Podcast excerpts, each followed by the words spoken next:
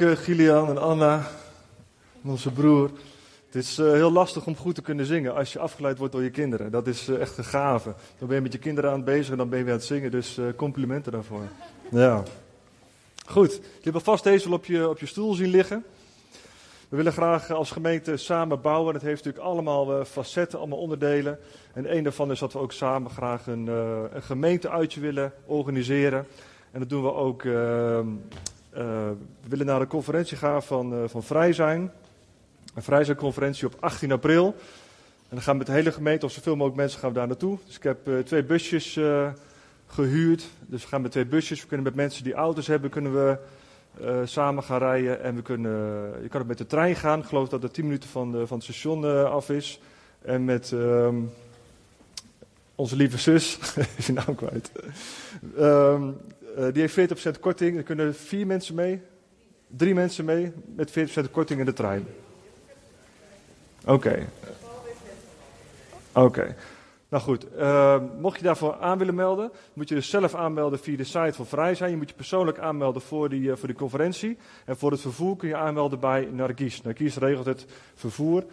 En het leek ons hartstikke leuk om samen dat te gaan doen als gemeente. Is een supergoed uh, onderwijs. Live in love. Dus leven in liefde. Verbonden in de liefde van God. Openstaan in liefde voor andere mensen. En uh, dus ik wil je hartelijk uitnodigen om dat met z'n allen te gaan doen. Nou, vandaag gaan we spreken over mens zonder geheimen.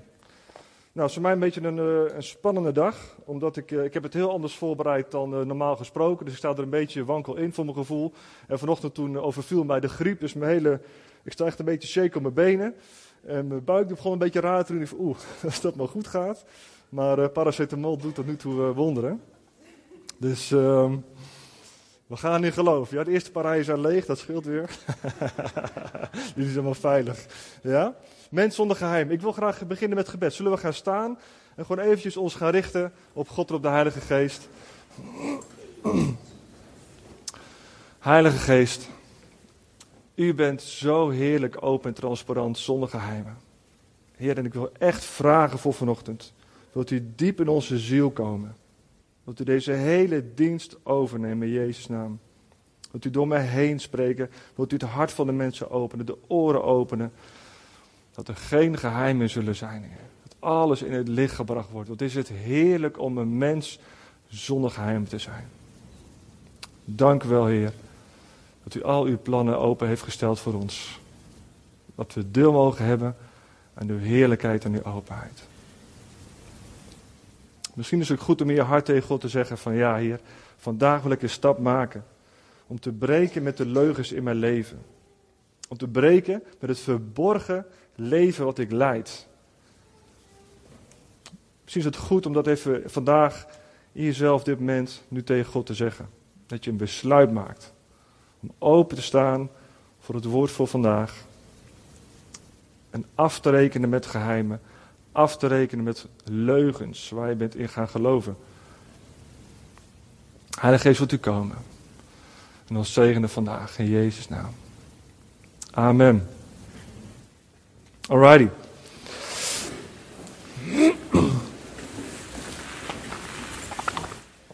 Mens zonder geheimen. Nou, heel veel mensen hebben een, uh, hebben een geheimpje. En met een geheimpje kan het natuurlijk over het algemeen ook heel leuk zijn. Laatst kwam mijn uh, dochtertje Mila naar me toe. En Mila zei van, papa, ik heb een geheimpje. En het geheimpje was dat ze wist waar de stoepjes van Nora lagen. Dat was een geheimpje. Dus dat was een heel onschuldig geheim. Maar misschien heb je als volwassene ook wel een geheim. Dat je zoiets hebt van, nou, ik ga mijn vrouw of mijn man eens eventjes verrassen met een leuk cadeautje. En uh, dat is dan ook een geheimpje. Nou, over zulke geheimen gaat het vandaag dus niet. Als we spreken over geheimen, gaat het eigenlijk over verborgen zonden. Een geheim, bespreken over een geheim als het gaat over een verborgen zonde in jouw leven. Dat kan verborgen zijn tussen jou en God. En dat kan een verborgen geheim zijn tussen jou en andere mensen. En God wil jou daarvan vrijmaken. Mensen met een geheim gaan lichamelijk en emotioneel gebukt onder de last van die zonde. Ja, als je een geheim bij je draagt, dan doet dat iets met je. Het, het, kan niet zo zijn dat je een geheim bij je hebt wat verborgen is, dat dat helemaal niks met je doet. Dat je gewoon fluitend door het leven gaat, zonder problemen, zonder emotionele reacties. Dat gaat gewoon niet. Zonde is ook, is ook iets geestelijks. Als we dus spreken over verborgen zonde, dan, dan de zonde is iets geestelijks. Een zonde kan je ook niet zien. Je kan wel de gevolgen van een zonde zien. De gevolgen van de zonde zijn soms heel goed zichtbaar in je eigen leven of in het leven van de mensen bij wie jij zonde hebt aangedaan. Een zonde is eigenlijk iets wat tegen de wil en het karakter van God ingaat. God is liefde, God is heilig, God is betrouwbaar, vol met genade en waarheid. En nog veel meer, maar een zonde gaat er altijd tegenin. Een zonde is eigenlijk iets wat je onteert, wat je ontaart. En het beschadigt jezelf. Nou, en een ander natuurlijk ook. De allereerste zonde die begaan is, is natuurlijk begaan door Adam en Eva. Adam en Eva die waren niet ineens aan het zondigen. Ze waren niet ineens die appel aan het eten. Voor het gemak even een appel. Dat ze in één keer dachten van, goh, wat zijn we nou aan doen? We zijn in één keer een appel aan het eten. Adam en Eva werden verleid tot zonde. Ze werden gebracht, met een, uh, tot, tot die zonde gebracht door een leugen. de vijand kwam naar hen toe. En de vijand, de duivel, de Satan, in de vorm van een slang, die begon met een twijfel te zaaien. Hij zei: Je mag zeker niet eten van de bomen uit de hof. Dat was de twijfel die gezaaid werd. En toen zei Eva: Ja, dat mag wel, alleen van die ene boom niet, want dan zullen we sterven. En de leugen was dat de vijand tegen Eva en Adam, Adam en Eva zei: van nee, je zult niet sterven, maar je zult net zo wijs worden als God. En op grond van die leugen is er dus gezondigd. Dus ze zijn die leugen van de vijand gaan geloven. En op grond van die leugen zijn ze gaan zondigen. En zo werkt de vijand nog exact hetzelfde. In de kern van elke zonde zit een leugen. Kijk, soms dan, dan zondig je gewoon en dat gebeurt gewoon. Dat is shit happens. Maar de meeste, de grotere zonden, zoals overspel, moord of dat soort categorieën, daar zit vaak een, een lijn in. Je, bent niet in één keer, je belandt niet in één keer in bed bij de buurman of bij de buurvrouw. Dat, dat, je bevindt je niet in één keer in dat bed. Er zit een, zit een, een lijn in, een geestelijke lijn. Er zitten stappen zit erin. Er zijn leugens waarin geloof worden. Nou, dus in de kern van elke zonde zit een leugen. Die mag je even onthouden. Een geheim isoleert je van God, isoleert je van anderen en isoleert je van jezelf. Een geheim isoleert je van God, isoleert je van anderen en isoleert je van jezelf. Ja? Wat was de eerste reactie van Adam en Eva? Ze verstopten zich. Ze hadden een geheim. Ze hadden gezondigd tegen God. Dus ze verstopten zich. Ze hadden een geheimpje. En het isoleerde hen. Gelijk was de weg tussen hun en God was afgesloten. De zonde isoleert je naar God toe. Maar de, de zonde isoleert je ook naar een ander. Een geheim isoleert je naar een ander. Adam en Eva kwamen er ineens achter dat ze naakt waren. Dus ze isoleerden zich van zichzelf en de onbeschaamdheid ging er vanaf. Ze gingen zich bekleden, ze trokken kleren aan. Ja? Dus isoleert ze van God en het isoleerden ze direct ook van elkaar. En een geheim isoleert je ook van jezelf. Je gaat je anders gedragen, je gaat je anders voordoen, want het geheim moet natuurlijk wel een geheim blijven. En deden Adam en Eva deden dat ook. Ehm, eerst gingen ze, als God door de hof ging wandelen, in de avond koelte, zoals dat ook gezegd werd, gingen ze naar God toe. Ze gingen onbeschaamd, ongeremd de relatie met God zoeken, het gesprek met God zoeken. Maar toen ze een geheim hadden, toen ze gezondigd hadden, toen verstopten ze zich. En dus hun hele manier van handelen, hun hele manier van doen, werd eigenlijk anders. Hun hele identiteit, hun karakter werd gevormd door die leugen. Nou, wat doet zonde? Het isoleert je dus. In elke zonde zit een leugen.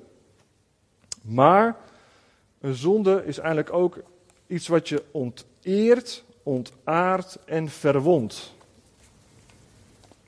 Zonde onteert je, ontaart je en verwondt je. We zijn als mens zijn we bijna gelijkgesteld aan de engelen. We zijn vlak onder God geplaatst. We, helemaal, we waren helemaal perfect, we waren heilig, we waren schoon, we waren rein. Nou, als je naar je eigen leven kijkt of naar het journaal, dan weet je al, die tijd is echt voorbij. Dus, dus toen de zonde binnendrong in het karakter, in het natuur van de mens, is de mensheid ontaard. We zijn los van onze aard gekomen. We zijn onteerd. Nou, um, we hadden hele hoge eer, we waren en heilig, maar door de zonde zijn wij echt gezakt in eer. We hebben niet meer het aanzien wat we hadden. Het is net alsof, alsof je elke ochtend wakker wordt met een smerige, natte, vieze kleding aan. Dat is eigenlijk wat de zonde met je doet. En het verwondt mensen. Als je zondigt, verwond je jezelf of verwond je andere mensen. Een zonde is nooit zonder gevolgen. Dat kan niet. Voor God zijn alle zonden even erg. Een zonde is voor God een zonde. Maar de impact van een zonde is nogal verschillend. Als je 50 euro jat van de buurvrouw, van de buurman, dan met een goed gesprek kan je er wel overheen komen. Maar als je de buurvrouw ehm, gaat aanranden of vermoorden, dat is dezelfde zonde, maar de impact is wel even anders. Ja? Nou, even over de staat waarin wij ooit waren als mens, Psalm 8. Wat is een mensenkind dat u zich om hem bekommert? En u hebt hem een plaats vlak onder uzelf gegeven. U hebt hem gekroond met heerlijkheid en eer. Gekroond met heerlijkheid en eer vlak onder, de, onder God zelf. Wow, wat zijn we ver afgedwaald. Als je kijkt naar je eigen leven, de dingen die spelen, dan is dat nogal veranderd. Maar het goede nieuws is door het lijden en sterven van Jezus, door het wonder van het kruis, ziet God ons weer, ziet God jou weer als die persoon, net als Adam en Eva, rein en zonder zonde en helemaal heilig. Dat je dat niet altijd zo voelt of ervaart, dat is evident. Maar God ziet jou als rein en heilig. En dat is een hele geruststelling. Nou, pijn wordt altijd veroorzaakt in relaties. Als mensen pijn hebben, als mensen schade hebben in hun leven, is dat altijd, of nou vrijwel altijd, het gevolg van een relatie met een ander. een heel mooi voorbeeld daarvan is natuurlijk David en Bathseba. Een heel bekend verhaal, denk ik, de meeste mensen kennen dat wel. David en Bathseba. Nou, in het voorjaar trokken de koningen in die tijd, en nog steeds trouwens, in Afghanistan trekken de strijders in het voorjaar ook nog steeds ten strijde. En uh, het leger van Israël was in gevecht met andere legers. Maar David bleef thuis in zijn paleis. Het is niet per se zondig, maar het was ongebruikelijk. Een koning hoort mee te gaan met zijn leger. En op een avond, terwijl zijn leger aan het vechten is, loopt David op het dak van zijn paleis en hij ziet daar een vrouw. Een vrouw die zich uitkleedt en zich heerlijk gaat badderen. En wat doet David? Hij blijft kijken. Je hebt een keus. Dat is de eerste stap. David blijft kijken. Hij had ook kunnen denken, hij had ook kunnen luisteren naar de stem van de Heilige Geest. Ik zie die vrouw, kan je niks aan doen. Maar goed, hij had met zijn volk, mee, met zijn soldaten mee moeten gaan. Hij had zijn andere kant moeten kijken. Dat was de eerste stap. Misschien zegt je vrouw s'avonds wel, als het s'avonds laat is: Kom schat, het is tijd om te gaan slapen. We gaan naar bed toe. En jij zegt: Nou, ik blijf nog even op de bank zitten. Dat kan, op de bank blijven zitten is niet per se een zonde. Hè? Maar dan ga je zeppen. Dan ga je scrollen op je telefoontje. En ineens zie je daar de buurvrouw zich heel mooi uitkleden en een bad nemen op je telefoon. Wat doe je? Je kan er niks aan doen dat je het ziet. Nou ja, misschien had je even mee naar boven moeten gaan. Maar je ziet dat tevoorschijn komen. En wat is dan reactie?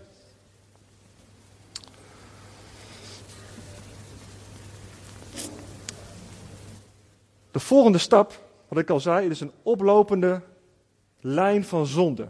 David bleef thuis in zijn paleis. Dat was de eerste, discutabel. Tweede is, David bleef kijken. Hij werd geconfronteerd met zonde en hij bleef kijken. De derde is, hij liet navraag doen. Wie is die vrouw? Nou, ze bleek dus de vrouw te zijn van de Hethiet Uria.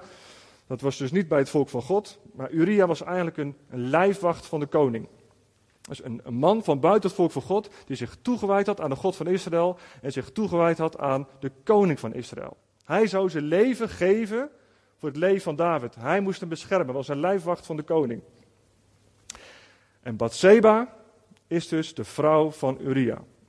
Volgende stap was dus, David laat navraag naar haar doen.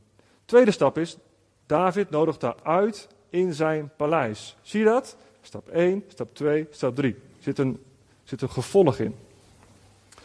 Ik denk dat David helemaal niet de intentie had om met Bathseba naar bed te gaan. Misschien dat hij wel zoiets van, nou, laat ik de buurvrouw maar eens uitnodigen. Het ziet er zo leuk uit, ik ken haar niet, haar man is op slagveld, laten we even een praatje maken. Misschien als je s'avonds het filmpje hebt gekeken van je buurvrouw, dat je denkt van, ja, ik ken de buurvrouw eigenlijk helemaal niet, laat ik haar eens even gaan uitnodigen. Gewoon even op de koffie. Ja? Maar ik nodig er wel uit op de koffie als mijn eigen vrouw niet thuis is. En dat zijn van die kleine waarschuwingen van je weet van, er gaan hier dingen mis. Ja? Nou, de volgende ochtend gaat Bathseba weer terug naar haar huis. En een geheim is geboren. Het geheim met verstrekkende gevolgen. In de kern van elke zonde zit een leugen. De leugen was dat David dacht dat hij beter af was met Bathseba. Hij dacht dat hij het wel verborgen kon houden. Maar dat bleek niet zo te zijn. Zonde is een symptoom. Doe niet aan symptoombestrijding. Vrijwel elke verslaving is een symptoom van een leugen, van een zonde. Mensen die vastzitten aan verslavingen, die zitten vast aan zonde waarop leugens zitten. Waarop dingen verkeerd zijn gegaan in het leven van mensen. Dus als je vastzit aan verslavingen, is het goed om naar die verslaving te kijken. Maar meestal is het zo, wat zit er onder die verslaving? Wat houdt mij van God af? En die verslaving is het symptoom van die zonde.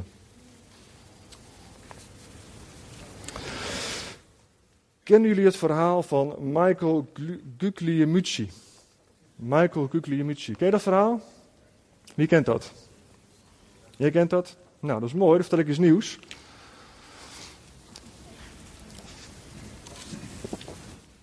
Michael Kuklimucci. Ik heb moeten oefenen voor die naam hoor. Ik zeg gewoon Michael vanaf nu. Kuklimucci is een uh. Dat is een aanbiddingsleider in Australië. En uh, hij is een singer-songwriter. En uh, rond 2008 begon hij een beetje rare verschijnselen te krijgen. Zijn haren begonnen uit te vallen. Hij begon bloed te braken.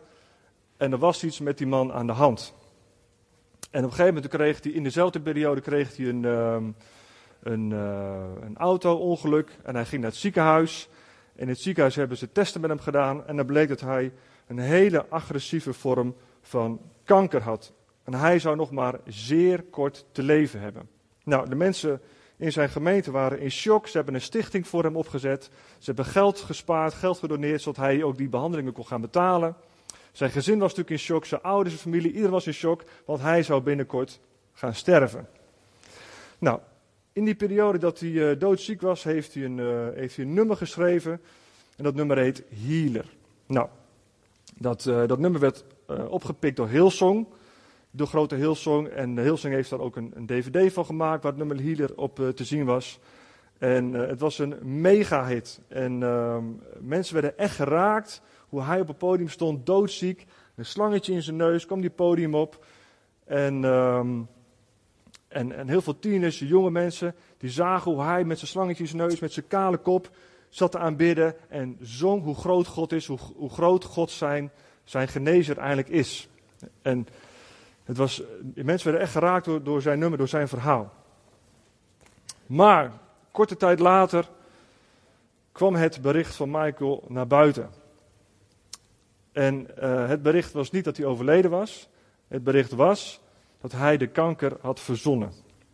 Het hele verhaal van die kanker, het slangetje in zijn neus, de kale kop, het nummer healer, was één grote leugen. Hij heeft twee jaar lang heeft die man de leugen van de kanker volgehouden. En niemand die het in de gaten had. Nou, Die man wordt niet ochtends wakker, en dat heeft hij ook gezegd in een interview. Hij heeft een interview gehouden met een seculiere televisie. Die man wordt niet ochtends wakker en hij denkt van, goh, laat ik nou eens eventjes gaan vertellen aan iedereen dat ik kanker heb. Zo word je niet wakker, zo gaat dat niet in dat soort verhalen. Wat blijkt nou? Deze beste Michael heeft 16 jaar lang geworsteld met verslaving aan porno. 16 jaar lang heeft hij een geheim gehad in zijn leven waarin hij vastzat aan porno. En hij durfde het aan niemand te vertellen. Aan niemand. Snap je?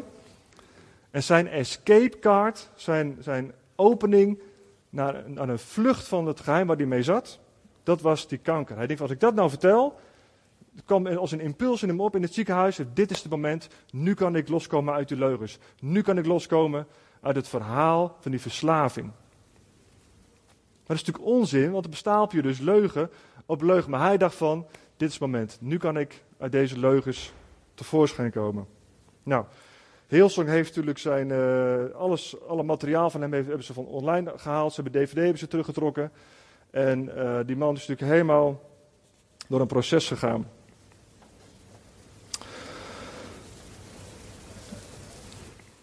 Um, mag de volgende PowerPoint erop, uh?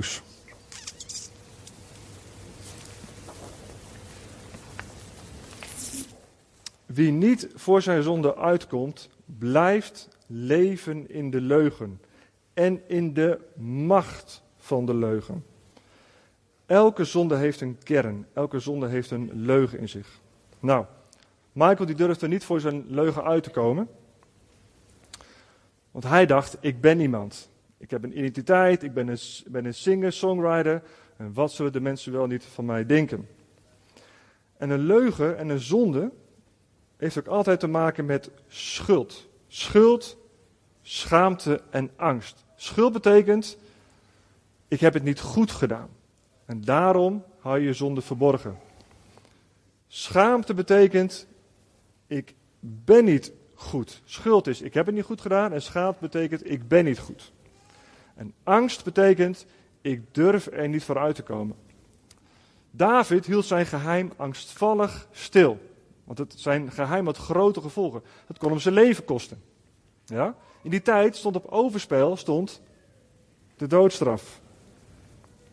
Nou.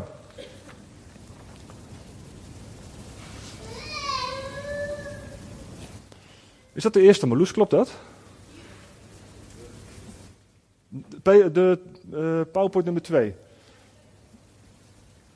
Nou, het zijn er een stuk of zes.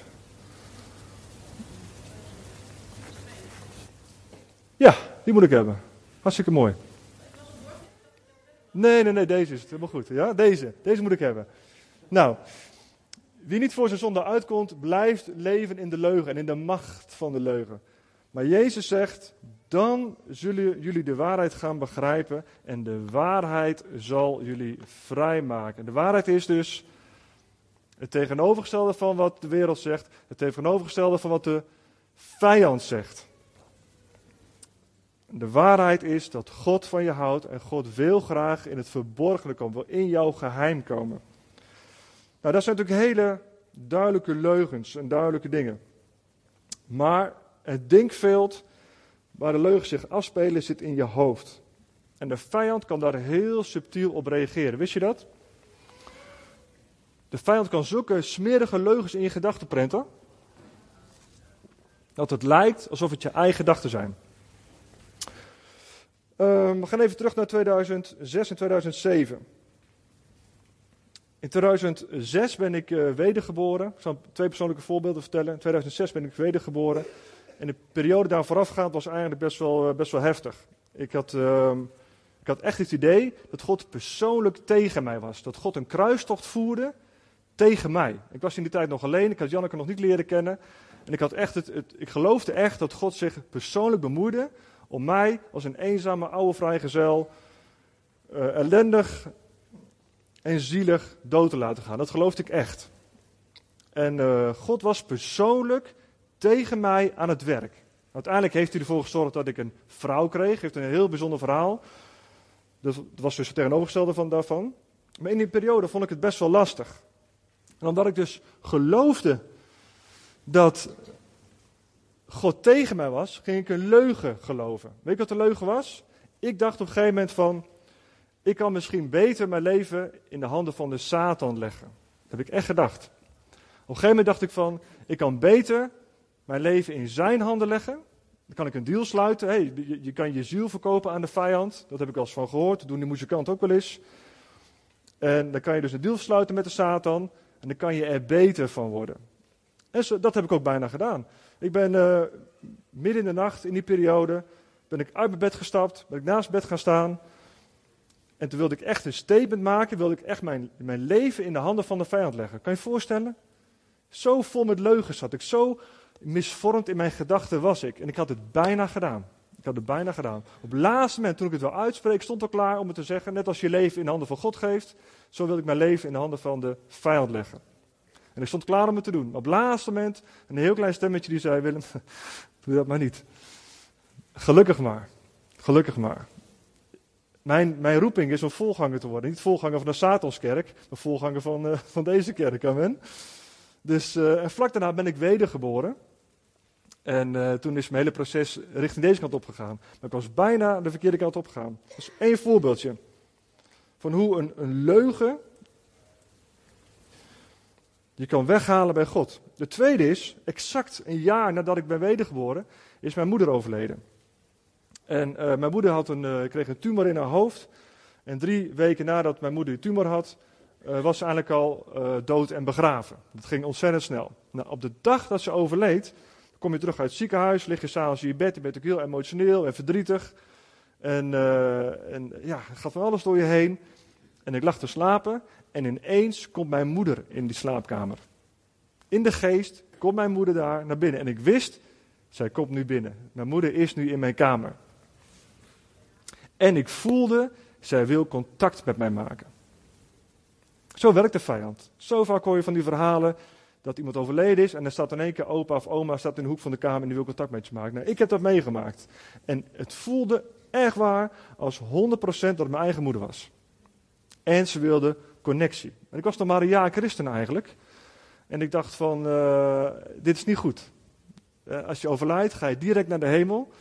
En uh, contact maken met boze geesten of demonen, dat, dat klopt niet. Want uiteindelijk zijn het natuurlijk demonen. Nou, het voelde zo als mijn moeder. Ik moet nagaan, ik was helemaal emotioneel kapot.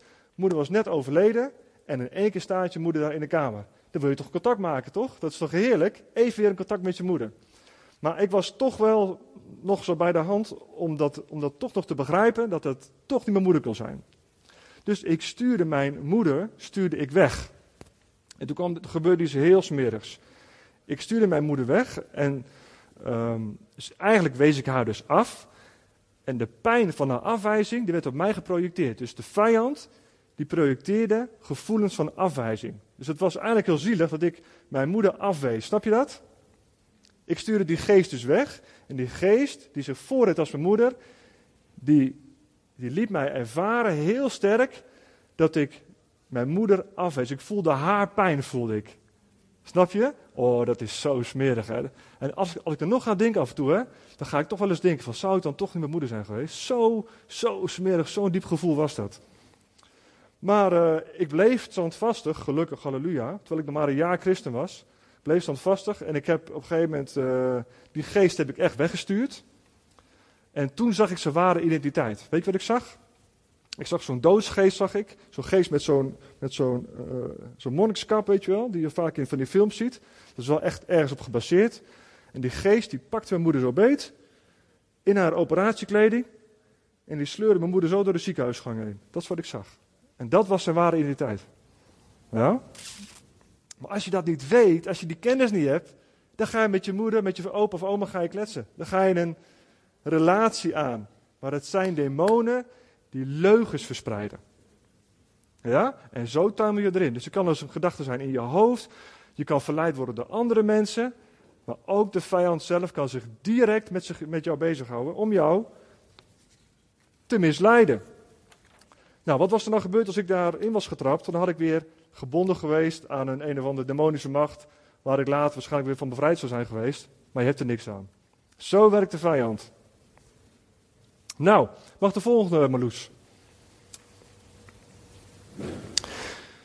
Wie niet voor zijn zonde uitkomt, ondermijnt zijn relaties.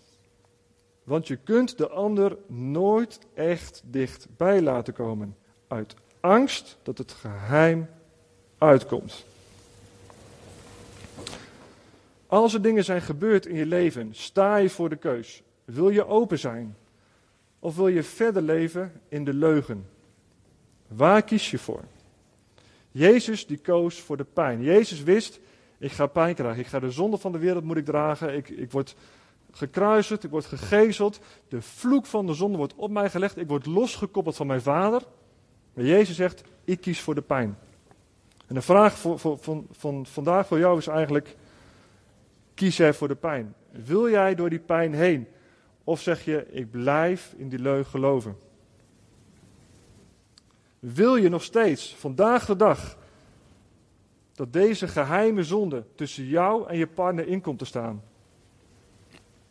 Het vraagt om moed om een mens zonder geheimen te worden. Net zoals die Michael, uiteindelijk heeft zijn zonde beleden. Op de nationale televisie heeft hij gezegd: Ik heb gezondigd. Ik heb gelogen over mijn kanker. Ik heb gelogen over mijn. Uh, over, ik heb verzwegen al die jaren. En uiteindelijk heeft die man naar voren toe gekomen, heeft hij het gewoon beleden. Wat een moed vergt dat. Wil jij die moed opbrengen? De Bijbel spreekt heel duidelijk. Wie zijn zonde niet beleidt, zal niet voorspoedig zijn of succesvol. Wie zijn zonde niet beleidt, zal niet voorspoedig zijn. God kan jou niet zo zegenen als hij zou willen in jouw relaties, in de dingen die je doet, als jij je zonde verborgen houdt. Het heeft effect op jou en relaties. Je wilt toch open zijn met anderen? Je wilt toch geen muren bouwen? Je wilt toch vrij zijn in je contact met anderen en met God? De Bijbel zegt: Wie zijn overtredingen bedekt, zal niet voorspoedig zijn. Maar wie ze beleidt en nalaat, die vindt ontferming. Nou, ik heb ontferming eventjes gegoogeld. Ontferming betekent zich het lot van iemand aantrekken. God trekt jouw lot, trekt zich jouw lot aan. Hij neemt jou aan, onder zijn hoede nemen. Hij gaat jou uit de nood helpen. Nou, Marloes, mag de volgende.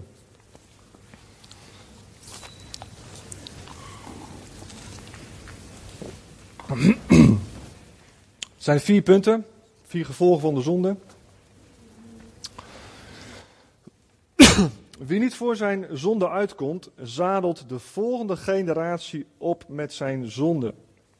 Hoe kun je een gezonde relatie aangaan als het begint met overspel?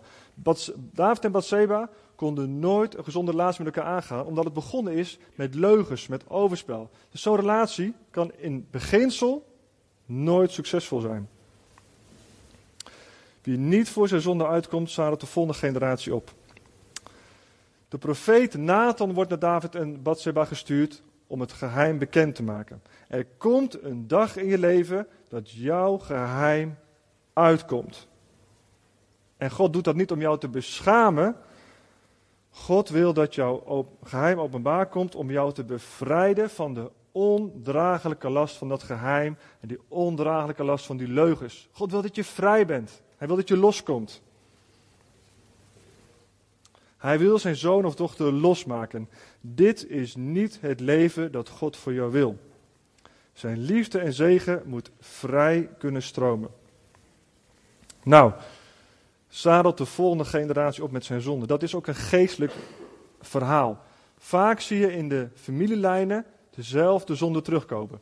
Opa was een alcoholist, jij bent een alcoholist en je zoon of dochter ook een alcoholist. Of vul de zonde maar in. Vaak zie je dezelfde zonde in de lijn van de familie terugkomen. Dat zijn geestelijke principes en dat moet doorbroken worden.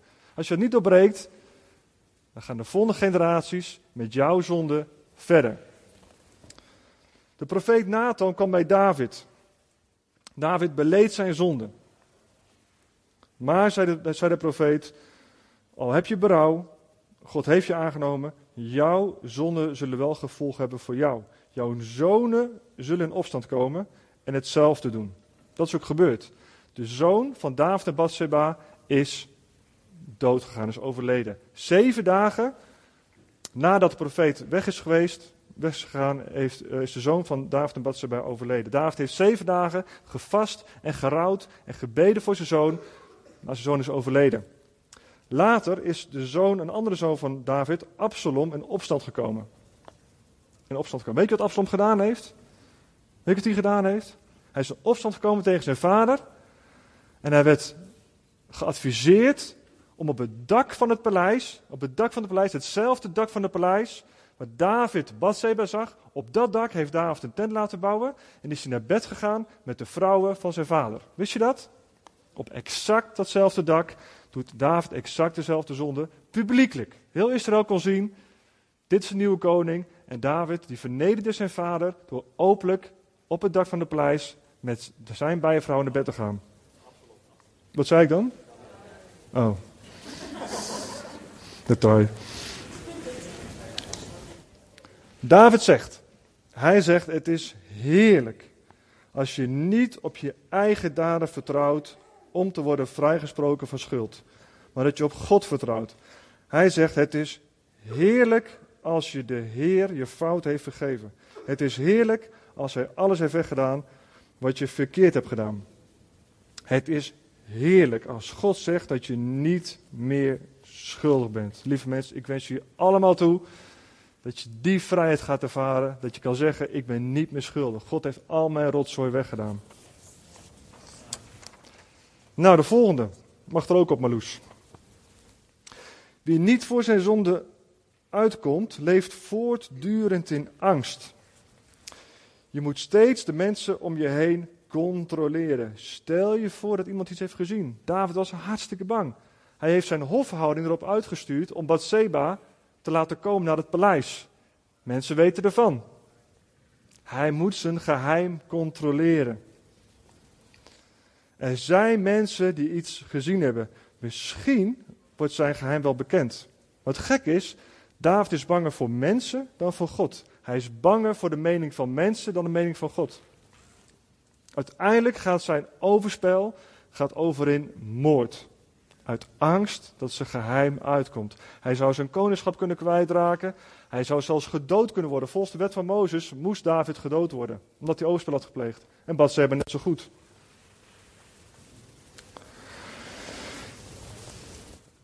David probeert dus met man en macht het geheim in stand te houden. Hij laat Uria, laat hij komen naar het paleis.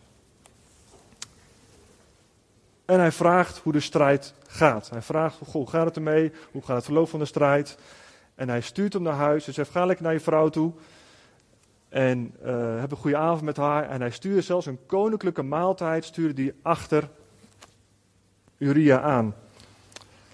Om ervoor te zorgen dat die twee samen zouden zijn. En dat het net zo leek dat het kindje van Uria en Batsema was. Maar Uria was een goede man. Hij ging niet naar bed met uh, Bathseba. Hij bleef die avond in het paleis bij zijn manschappen.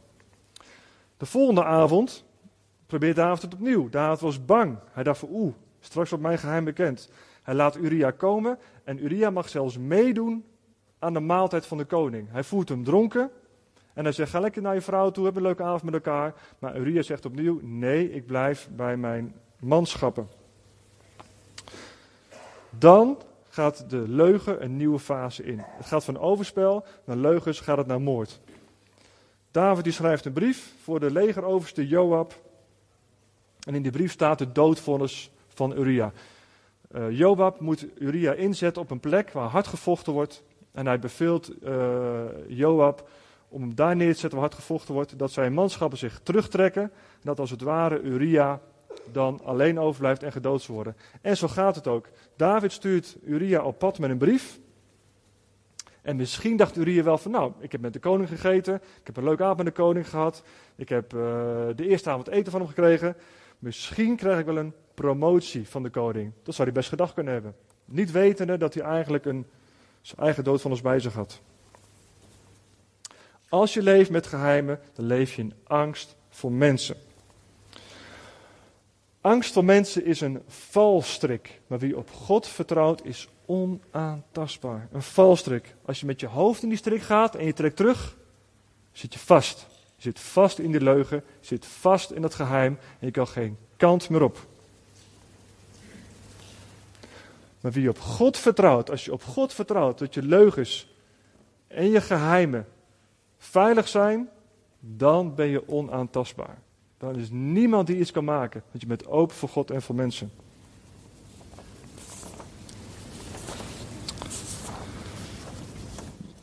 Angst legt ons het zwijgen op, waardoor je gevangen blijft in de leugen en in de macht van de vijand. Angst is een slechte raadgever. Angst houdt je gevangen in de valstrik van de vijand. Angst put je uit tot je er helemaal ziek van wordt. Kijk maar naar Michael. Hij begon over te geven, bloed te braken, zijn haren vielen uit van de spanning, van de angst van zijn geheim. En uiteindelijk heeft hij zelfs verteld dat hij kanker had. Allemaal door de angst. Hij was bang. Wat zouden de mensen zeggen? Raak ik misschien mijn status kwijt? Word ik misschien veroordeeld door mensen? Er was niemand waar hij zijn geheim durfde te dat, dat is toch zielig? Eigenlijk is het hartstikke zielig dat hij niemand heeft om zijn verhaal te doen.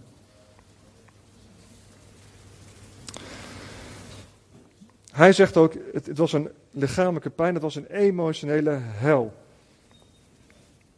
En vandaag de dag is voor jou eigenlijk de vraag: wil jij een mens zonder geheimen worden? Wil jij loskomen uit die leugens waar je in bent gaan geloven? Over wie jij bent, of hoe God naar je kijkt, over hoe je in het leven mag staan. Een geheim geeft altijd angst om ontdekt te worden. Angst voor openheid. Angst bouwt muren. Maar achter je muur ben je nooit alleen. Wist je dat? Achter je muurtje zit ben je nooit alleen. Wie zit er meer achter die muur? Wie zit daar? Wie zit er, wie zit er achter die muur? Wie zit achter die muur? De vijand, ja? Dus je bouwt een muur waar je lekker in gaat zitten en die vijand die komt daarin. Weet je wat hij gaat doen? Die gaat je leugens blijven influisteren. Die gaat je dingen vertellen. Die gaat jouw hele persoonlijkheid, je karakter, je identiteit gaat hij langzaamaan in beslag nemen. Dat je een heel ander persoon wordt dan je eigenlijk zou zijn. Wist je dat? Ik heb zoveel mensen gezien die bevrijd werden, bij mezelf ook, die bevrijd werden van, van demonen, waar hun hele karakterstructuur, een hele denkproces aangetast was. Alleen mensen weten het niet, omdat ze denken van ja, zo ben ik, dat zijn mijn zwakheden, of zo zit ik daar in elkaar, dat is mijn karakter. Maar als je een muurtje bouwt en je zit achter die muurtje, komt de vijand in en jij bent met die vijand gevangen achter de muur en je kan geen kant op. Tot het moment dat je zegt, en nou is genoeg geweest. Nou ga ik die openheid geven. God wil dat je daar vrij van bent. Hij zegt, alsjeblieft, lieve zoon, lieve dochter, kom achter je muur vandaan. Accepteer mijn genade. God wil dat, jou, dat zijn liefde, dat zijn trouw, zijn waarheid kunnen gaan stromen. Hij wil dat, dat je een helemaal een open kanaal bent zonder belemmeringen. Dat is wat God voor jou wil. Mag de laatste dia, Marloes? Psalm 32 is ook door David geschreven. Zolang ik mijn zonde niet beleed, kwijnde ik weg. Ik was de hele dag tot tranen toe bewogen. Dag en nacht voelde ik hoe u tot mijn geweten sprak. Misschien spreekt jouw geweten vandaag ook wel. Ik schrompelde in elkaar als bij grote hitte. Toen heb ik u al mijn zonden beleden en niets voor u verborgen gehouden. Ik zei, ik zal de Heere alles opbiechten. En toen hebt u mijn schuld vergeven. Amen. Zullen we gaan staan? Misschien kan de band er naar voren komen. Misschien voel je vandaag aangesproken dat je zegt: ik, ik heb leugens in mijn leven. Ik ben dingen gaan geloven over mij of over God die niet waar zijn. Misschien zeg je, ik zit wel met een geheim waar ik nog nooit iemand over verteld heb. Wil ik je echt aanmoedigen, kom dadelijk naar voren toe. Dan gaan we voor je bidden. God wil echt jou vrijmaken van het, van het werk wat de vijand jou gedaan heeft. Wil jou vrijmaken van de leugens in je leven. Ja? Ga lekker een uh, lied zingen. En als je daar aangesproken voelt, dan kun je naar voren komen. En dan gaan we voor, uh, voor je bidden. Amen.